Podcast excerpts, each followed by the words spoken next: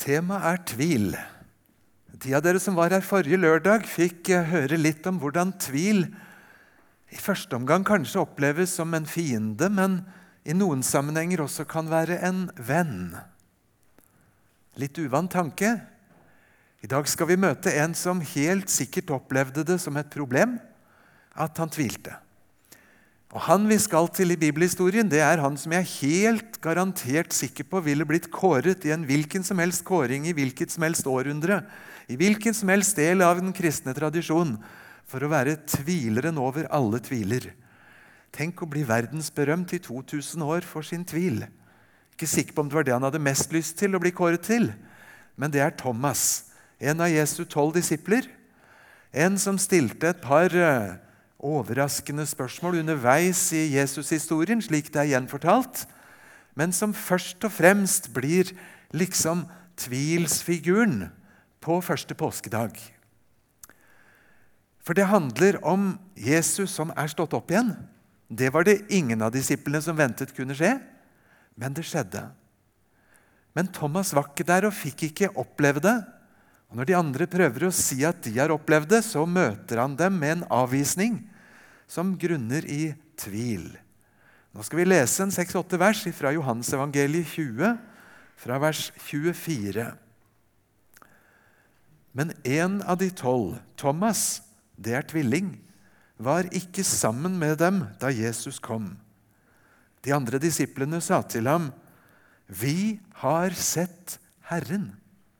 Men han sa til dem, Dersom jeg ikke får se naglemerkene i hendene hans og stikke fingeren min i naglegapet og legge hånden min i hans side, vil jeg ikke tro.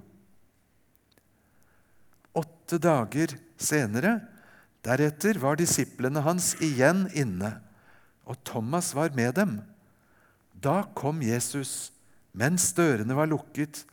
Han sto midt iblant dem og sa, 'Fred være med dere'. Deretter sier han til Thomas, 'Rekk fingeren din hit og se hendene mine.' 'Og rekk hånden din hit, legg den i min side.' 'Og vær ikke vantro, men troende.' Thomas svarte og sa til ham, 'Min Herre og min Gud.' Jesus sier til ham, 'Fordi du har sett meg, tror du.'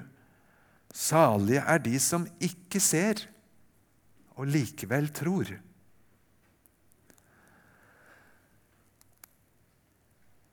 Hvorfor kom Thomas i en sånn forferdelig uke med svart mørke og tvil?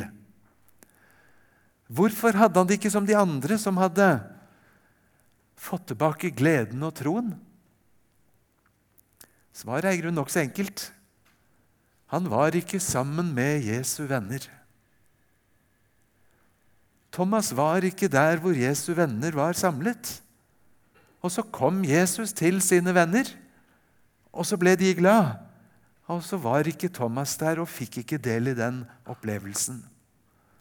Det er et nokså enkelt første svar så langt det rekker. Jeg er bra sikker på at mange av oss, kanskje de aller fleste, vi syns for å være dønn ærlig at det er vanskelig å tro på Gud. Et første råd Kanskje det blir litt mindre vanskelig hvis du er mer sammen med Guds folk.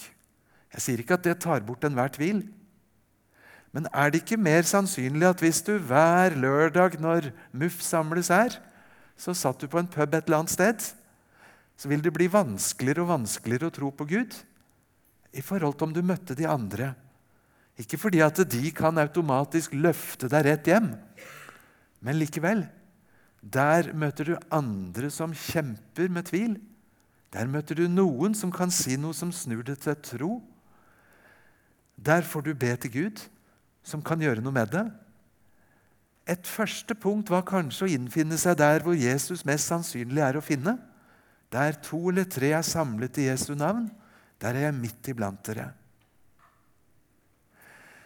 Men det er altså ikke sånn at med en gang du melder deg inn i et eller annet kristelig opplegg, så er tvilen borte, og så bare seiler du liksom på medgang. Og så er det liksom bare svukk rett fram. Tenker på min minstemann, som var så liten at jeg tror han fremdeles brukte narresmokk. og som hadde klart å snike seg inn i bilen vår, og det var en Chevrolet 15-seter. Og satt som mange guttunger har gjort før han, da, foran rattet liksom, og prøver å trykke litt på noen knapper og dra litt i rattet og drømmer om at du kjører stor bil. Og Så kom jeg litt brått på han bakfra, og istedenfor å bli fryktelig flau, så, så sa han, 'Pappa, jeg kjører sjøl. Du bare trykker play.' Og så tror du du kan kjøre hele doningen fram. 4,5 tonn, 15 seter. Maksfart 150. Jeg sitter jo her, jeg styrer på rattet og drømmer om det. Noen som tenker seg at Gud er en sånn en som kommer og trykker play en gang imellom. Og så går det liksom på cruisekontrollen hjem. Og så styres det rett hjem. Du vet det så godt. Sånn er ikke troens liv. Sånn var det ikke for Thomas. Tvilen har fulgt kristne mennesker til alle tider. Kanskje er det ikke så fryktelig rart heller. Før vi begynner å tro, så er vi sånn fra naturens side litt forskjellig innstilt. er vi ikke det? Noen er av naturen veldig tillitsfulle. Noen kan bli så tillitsfulle at de nesten er naive. Noen har en veldig rasjonalistisk tilnærming til livet og liksom å ha allting bevist før de liksom er klar for noe. Men så kan de være ganske steady når de kommer i gang. Så er det noen som det går veldig opp og ganske mye ned for. Og så går jojoen sin gang opp og ned, og så kan det slå inn i troslivet. Og så er det noen som har det Ludvig Holberg kalte en hypokondrisk tro. Eller tvil. En hypokondre er en som tror at alle sykdommer som finnes i verden, de, de er antagelig i ferd med å ta knekken på meg strevsomt å leve, tungt å bære på, og kanskje det slår inn i troens liv. Og Har du det sånn i alle andre relasjoner, så kan det hende det kan være sånn mellom deg og Gud òg. Og så har du noen som av legning er journalister, har du ikke det? Med en sånn derre skeptikers tvil som alltid hiver fram et annet alternativ. La oss prøve å se det fra den andre siden. Det kan være spennende, og det kan noen ganger bli en smule slitsomt. Men det er kanskje ikke så overraskende hvis noe av det følger inn i troens liv. At du alltid leter etter den andre siden i det. Så er det noen menneskenaturer som av naturens side kan være litt engstelig, omtrent som en i Flåklypa som mener at det er farlig, det der. Og som du liksom må dra baklengs ut av fuglekassa for å liksom møte livet. Og Har du det sånn som menneske, så kan livet kanskje ordne seg greit, men Ingen stor sensasjon, om også troens liv kan farges litt av det. Og Så kunne vi fortsette å snakke om ganske mange typer, kanskje også de skråsikre, som ikke vet hva tvil er i det hele tatt. Som bare har den der trykklappen 'play', og så kjører vi og gir på. Og så går det så det suser. Og så har du noen som er veldig viljestyrt og viljebestemt. Og har de først bestemt, så er det ingenting som stanser. Poenget mitt med å bruke litt tid på det er å si Gud i himmelen skapte oss ulikt. For han er det ingen sensasjon. At vi er ulike i troens vandring. At det som er enkelt for den ene, er ubegripelig for den andre. At det som går på det jevne for den ene, det bråstopper full krasj. Vanskelig å komme i gang igjen. Gud i himmelen er en spesialpedagog som ikke innbiller seg at han stapper alle inn i samme skoleklasse og kjører et pedagogisk opplegg. That's it. Gud i himmelen har tid for individer. Han er så engasjert ned til det lille at han teller hårstrå på hvert individ, hvert sekund. Og i troens liv følger sine, skritt for skritt, til høyre, til venstre, stans, et skritt tilbake igjen i fullt firsprang framover. Og så vet Gud det. Og så er det i utgangspunktet ikke det som stanser troens vei, verken for deg eller for meg. Jeg skal ikke overdrive det, men hvis vi hadde våga oss på en sånn liten rundebordssak om de tolv apostlene og bildene vi får av dem, så er det ganske ulike mennesketyper. Veldig ulike personligheter. Gud i himmelen vil det slik, skapte oss slik. Og så er troens vei ulik. Og så er tvilens vei litt ulik. Og Til sammen i bibelhistorien så er det ganske mange som når et stykke fram med tvilen sin, som Gud må bruke noe ekstra tid på. Hvis jeg spurte dere hvor i bibelhistorien møter vi den mest seierssikre troen, den som bare går framover, framover, framover, og det vokser, og de er 3000, og de blir 5000, og det blir enda flere. På gresk står det myriader, som egentlig er ordet for titusener men som også kan ha den derre Lar det ikke stoppe nesten antallet-forståelsen. Apostlenes gjerninger, urkirken, de første kristne. Noen ganger da de ba til Gud, så ba de så inderlig til Gud at hele huset der de var samlet i, det skalv. Tenk så spennende å sitte på seismologen på Kjeller og se hva Richters skala slår ut på for et jordskjelv i Jerusalem i forbindelse med et bønnemøte. Den bønnegjengen og de samme folka de opplevde at Peter, lederen deres, ble kasta i fengsel etter at Jakob var blitt drept. Og de skjønte at nå har Herodes, fyrsten, tenkt å gjøre sånn med Peter også. Og så er de samlet i bønn, og så ber de til Gud hele natta. Langt utover natta de niber til Gud om at Gud må åpne fengselets dører så Peter blir satt fri og kommer tilbake til dem. Og så gjør Gud det. Og så sender Gud omstendigheter så utrolig som at mens de sitter og niber borti gata i huset, så skjer det noe med lenkene til Peter og med fengselsdør og fengselsport. Og Peter går rett ut av fengselet, ut i frihet gjennom nattemørke gater, fram til der hvor bønnemøtet pågår, hvor Jesu venner er. Og Så banker han på døra midt på natta. 'Lukk opp! Slipp meg inn!' Og Så kommer det en tjenestejente ut. Og Når hun får se Peter, så blir hun så glad at hun glemmer å åpne opp døra. Og springer opp igjen til de andre og sier, 'Peter er fri! Han står utenfor og banker på døra.' Hva er det for en reaksjon apostlærningene 12 forteller om da? iblant de som sitter og niber om at Peter må slippes fri. Da sier de til den tjenestejenta nei, det der går ikke an. Det går ikke an sånt. Du må ha sett et syn, du må ha vært hans engel, et eller annet. Ingen som går og åpner, for det går jo ikke an når du sitter i fengsel at du plutselig står i frihet og banker på døra. Som var det de ba om at skulle skje. Og Imens så står Peter og banker og banker og banker og banker på døra. Til slutt så kommer de og åpner opp. Hvorfor tror du Bibelen forteller det der? Er det for å henge ut de første kristne som hadde så dårlig samsvar mellom hva de ba til Gud om, og forventningen om at det faktisk skulle skje? Ikke for å henge ut. Men jeg tror kanskje at Gud ville at du og jeg, som ber med forventning det ene øyeblikket og nesten i vantro neste gang, skal få lov til å se at Gud i himmelen kan svare på bønn også der vår forventning ikke svarer til det vi ber om. Og så ber du i Jesu navn. Og så ber du ikke i navnet til deg som er så fryktelig flink til å tro. Og så er ikke bønnesvar himmelens fortjenestemedalje til deg som har så mange tonn med tro at det gjør inntrykk helt opp til himmelen.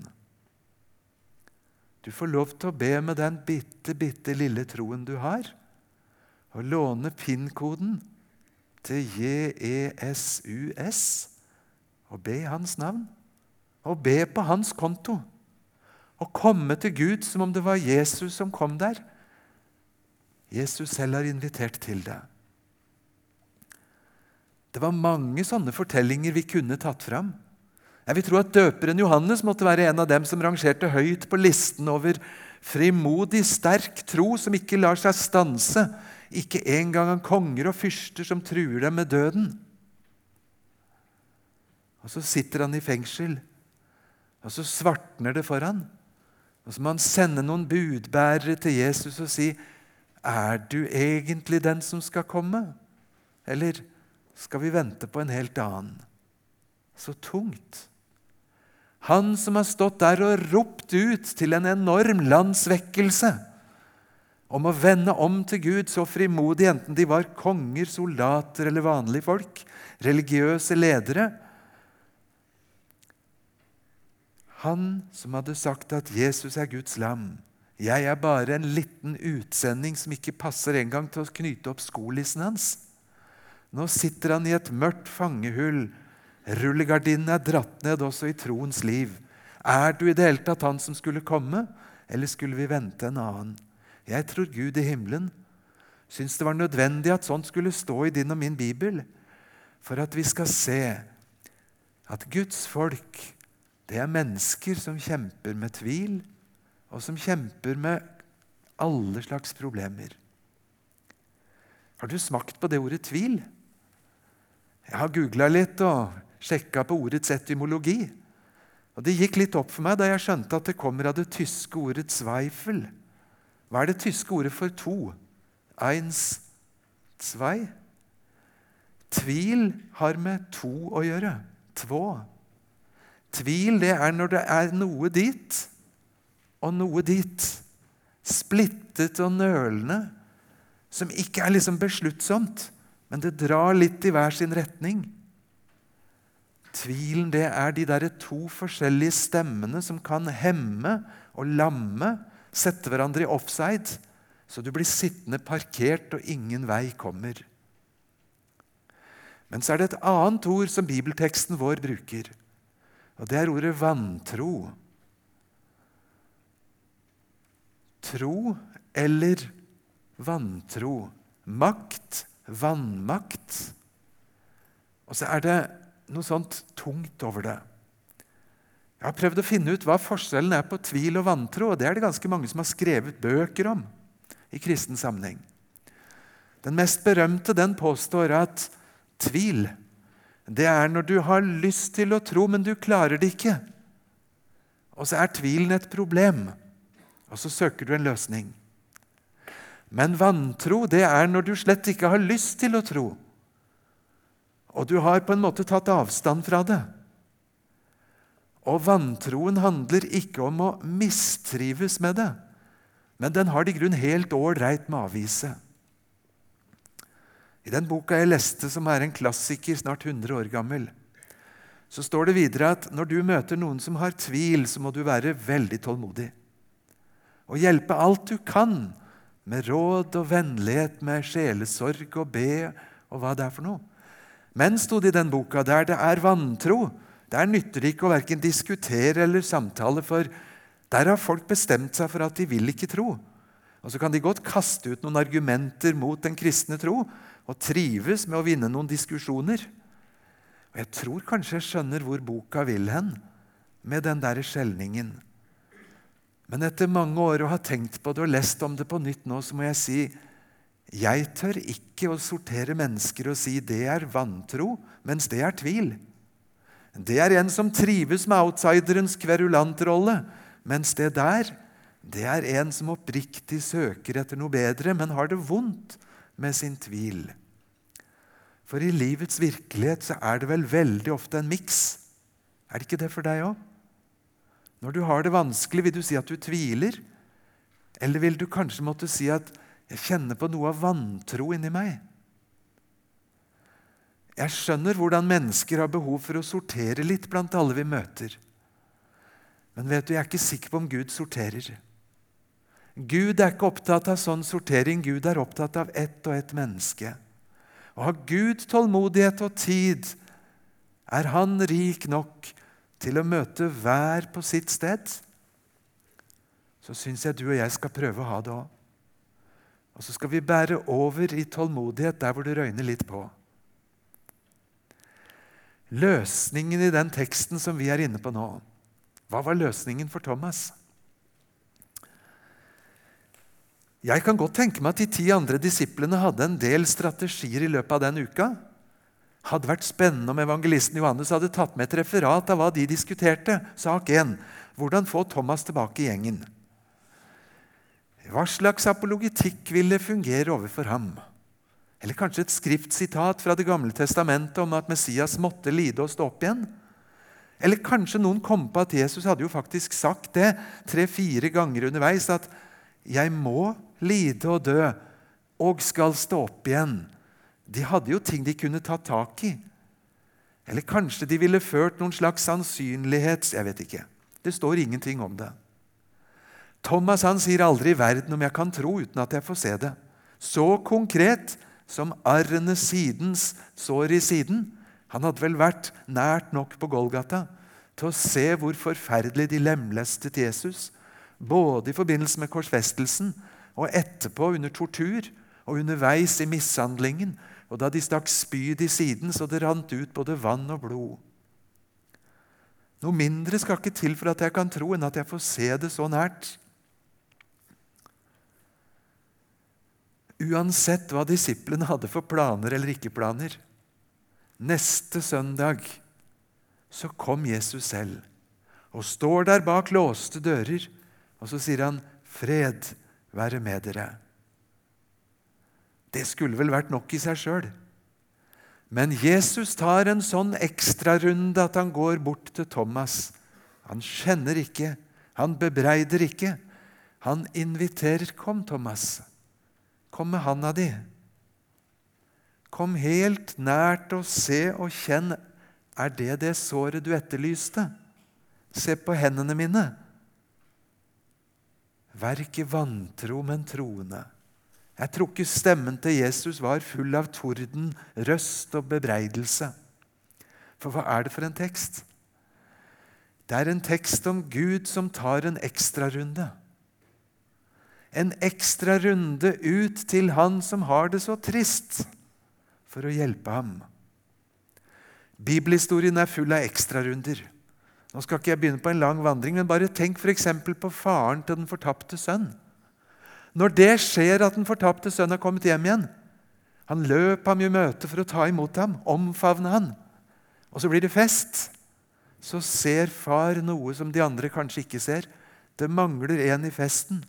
Storebror, som har vært hjemme hele tiden, han går og sturer ute i mørket. Og så står det så fint, og det er jo et bilde på Gud selv, at han forlot festen. Han gikk fra lyset og ut i mørket for å lete seg fram til den sure storebroren som ikke har fars hjertelag og ikke bryr seg om å være med i festen for lillebror, som bare er sur. Og så tar Gud en ekstrarunde for å finne ham i mørket. Og så holdt han ikke en skjennepreken for ham, men det står uttrykkelig han gikk ut og talte vennlig til ham. For han ville ha med inn i festen. For fars hjerte er et hjerte både for den fortapte sønn og for den sure storebroren, som egentlig var nokså fortapt, han òg. Selv om han fysisk sett var i hjemmet, akkurat nå på utsiden. Gud er en gud for ekstrarundene. Jeg har vært på mange mange, mange vitnemøter på forskjellige bedehus. Og så har jeg hørt på ganske mange gamle kristne som forteller.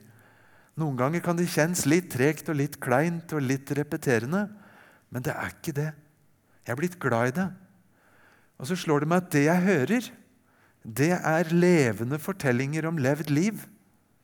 Om Guds ekstrarunder. Om situasjoner da noen kom ut i mørket, men så kom det en Gud til dem i mørket og dro dem inn. Og Så fikk Thomas møte den levende Jesus. Og så får han falle ned og tilbe og si en av Nytestamentets sterkeste Jesusbekjennelser. Min Herre og min Gud. Det er sterke ord fra en jøde til et menneske fysisk som står rett foran ham. Min Herre og min Gud. Han som er herre over dødens makt, og som sprengte dødsrikets porter, og som hadde tid til en ekstrarunde til meg her nå jeg sitter. Og Så tenker du og jeg det måtte være mye lettere å tro på Gud den gangen hvor Jesus fysisk dukket opp. Hadde det vært sånn nå, skulle jeg tatt flyet til Jerusalem og gått i gatene lenge nok til at jeg fant den. Og Så skulle jeg ligge litt på lur og kikke bak og sett miraklene som liksom skjer. Åndsutdrivelser og helbredelser og hva det er for noe. Skulle ikke vært vanskelig å tro da. Paulus tar tak i det og sier Si ikke i ditt hjerte hvem skal fare opp til himmelen for å få Kristus ned, eller hvem skal ned i dødsriket for å dra Kristus opp? Ikke si sånn. For ordet er deg nær, troens ord, i din munn, i ditt hjerte. Det er det ordet vi forkynner. Du og jeg vi kan ikke reise til et fysisk sted og finne Jesus i den forstand. Men Bibelen sier det trenger du ikke heller. For ordet er deg nær. I din munn, i ditt hjerte. Les hva det står, så møter du din Jesus. Altså Helt til slutt et uttrykk, et enkelt lite ordtak som, som jeg trenger ganske mange ganger i min, mitt liv som en kristen. Det enkle ordtaket er sånn Det er bedre å kjenne seg utrygg på sikker is enn å føle seg skråsikker der du går, på utrygg is. Er du enig i det? Om du kommer over isen til andre sida dit du skal eller ikke, det avhenger ikke av hvor selvsikker du er når du går. Det gjør ikke store forskjellen. Poenget er er isen sterk nok til å bære deg. Forstår du bildet? Den isen som Gud inviterer oss til å gå troens skritt på, den er sterk nok. Den bærer. Bibelen kaller det for til og med for en levende vei, sånn rullefortau som på flyplassen. Om du har det sånn ikke bare av og til, men ganske ofte, at du går engstelig og kjenner liksom på isen Tør jeg et skritt til? Eller om din tro er hypokondrisk, så er det bedre å gå med den smertefulle utryggheten på en sikker is. En skråsikker og i vei på det som ikke bærer fram. Er det ikke en slags trøst i det? Jesus er troens opphavsmann. Han er troens fullender, og så er han alt imellom. Og så er han en spesialpedagog som har tid for ditt spesielle kasus. Du har ikke brukt opp tellerskrittene. Du har ikke brukt opp treffetida hans. Han er tilgjengelig 24-7 med et fullt hjerte. Det er han som står ved døra di og sier, 'Her står jeg og banker. Hvis du åpner, så vil jeg gjerne komme inn. Skal vi spise sammen?' Til nattvær. Du som kommer med usikre skritt, bærer isen. Du er velkommen ikke fordi troen din bærer men på Jesu invitasjon.